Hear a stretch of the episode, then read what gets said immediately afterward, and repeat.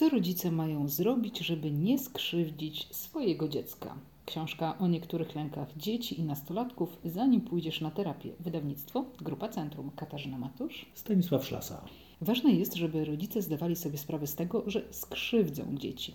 Założenie nie skrzywdzić dziecka jest błędne. Dlaczego? Rodzice muszą wiedzieć, że przez brak świadomości, przez własne schematy, których nie są świadomi, czy przez brak wiedzy, kompetencji, na pewno w jakiś sposób na dziecko wpływają, że to dziecko być może będzie czuło się skrzywdzone. I o tyle jest to ważne, dlatego na to zwracam uwagę, że jeżeli rodzic będzie wiedział, że skrzywdzi dziecko, że nie jest idealny, to łatwiej takiemu rodzicowi będzie przyjąć taką sytuację, kiedy dziecko powie mu na przykład, że coś było nie tak. I rodzic to przyjmie, zgodzi się, zaakceptuje i będzie nad tym pracował i pozwoli, żeby dziecko mierzyło się ze swoimi trudnościami. Co zrobić, żeby pomóc dziecku? Najpierw pozwolić sobie, dorosłemu, na błąd, na niedoskonałość, co wcale nie znaczy, żeby nie pracować nad sobą. Cały czas pracować i wiedzieć, że jestem niedoskonały i będę niedoskonały. To jedna rzecz. Druga, myślę też bardzo ważna, to być cały czas prawdziwym.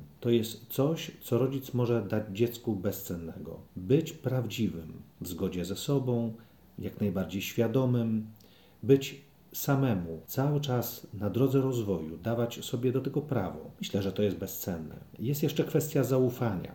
To jest bardzo ważne, żeby dać dziecku zaufanie, żeby nie zakładać, że dziecko jest złośliwe z natury, bo chce coś źle z natury, chce dowalić, kombinuje. Nie.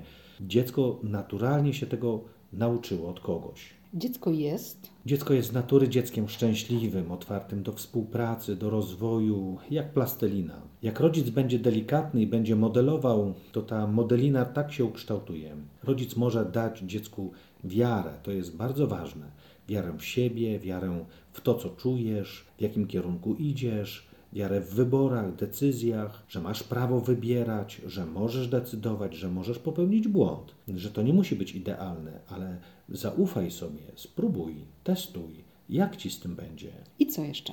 Rodzic może dać dziecku słuchanie. Bycie i słuchanie to bardzo ważne, żeby słuchać, co dziecko ma do powiedzenia, co przeżywa, co się w nim dzieje. Myślę, że to, co jest jedną z fundamentalnych rzeczy, że rodzic może dać dziecku kontakt, bliskość, bo jedną z najbardziej masakrujących, agresywnych w stosunku do dzieci postaw, zachowań, to jest taki moment, kiedy rodzic zabiera dziecku kontakt, czy to kontakt wzrokowy, czy emocjonalny. Nie tylko, że go nie ma fizycznie? On może być na przykład fizycznie, ale nie będzie odzywał się do dziecka, żeby je ukarać. Rodzic się obraził, za to, że dziecko zrobiło czy powiedziało coś. Rodzic przygotuje mu obiad czy śniadanie, ale w ogóle się do dziecka nie odezwie. Nie powie mu dzień dobry, do widzenia, nie zapyta co w szkole. Będzie traktował dziecko jak powietrze, zabierze mu kontakt. To jest jedna z najgorszych kar, największych traum, jakie dziecko może doświadczyć od rodzica. A przykład pracy nad sobą?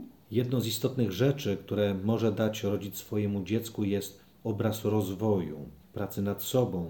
Sam rodzic pójdzie na terapię, do szkoły, na studia, sam będzie przyznawał się do błędów, sam będzie pracował nad sobą, będzie udoskonalał samego siebie, rozwijał siebie. To jest bezcenne. W ten sposób pokaże dziecku, że nie jest idealny, że może być nieidealny i wcale w ten sposób nie traci na wartości, i że to jest w porządku, i że o to chodzi.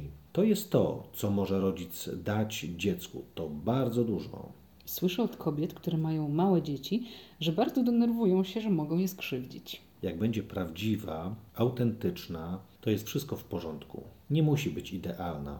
A matki trzęsą się nad obrazem samych siebie, jakie to powinny być, bo gdzieś na wirtualnym dysku jest zapisana informacja, że tak ma być jakaś, ale to nie jest wyjaśnione jaka. Tak wychowujesz dziecko, tak je uczysz, bo uważasz, że to jest najlepsze dla dziecka. Później trzeba spojrzeć w oczy dziecku i powiedzieć: Wiesz, no tak zdecydowałam, bo na tym etapie, na którym byłam, uważałam, że to była najlepsza opcja dla ciebie i biorę za to odpowiedzialność. Problem jest z tym, że boimy się brać za coś odpowiedzialność, bo boimy się konsekwencji i w związku z tym idziemy utartym szlakiem. Więcej w książce o niektórych lękach dzieci i nastolatków, zanim pójdziesz na terapię. Wydawnictwo Grupa Centrum. Katarzyna Matusz. Stanisław Szlasa.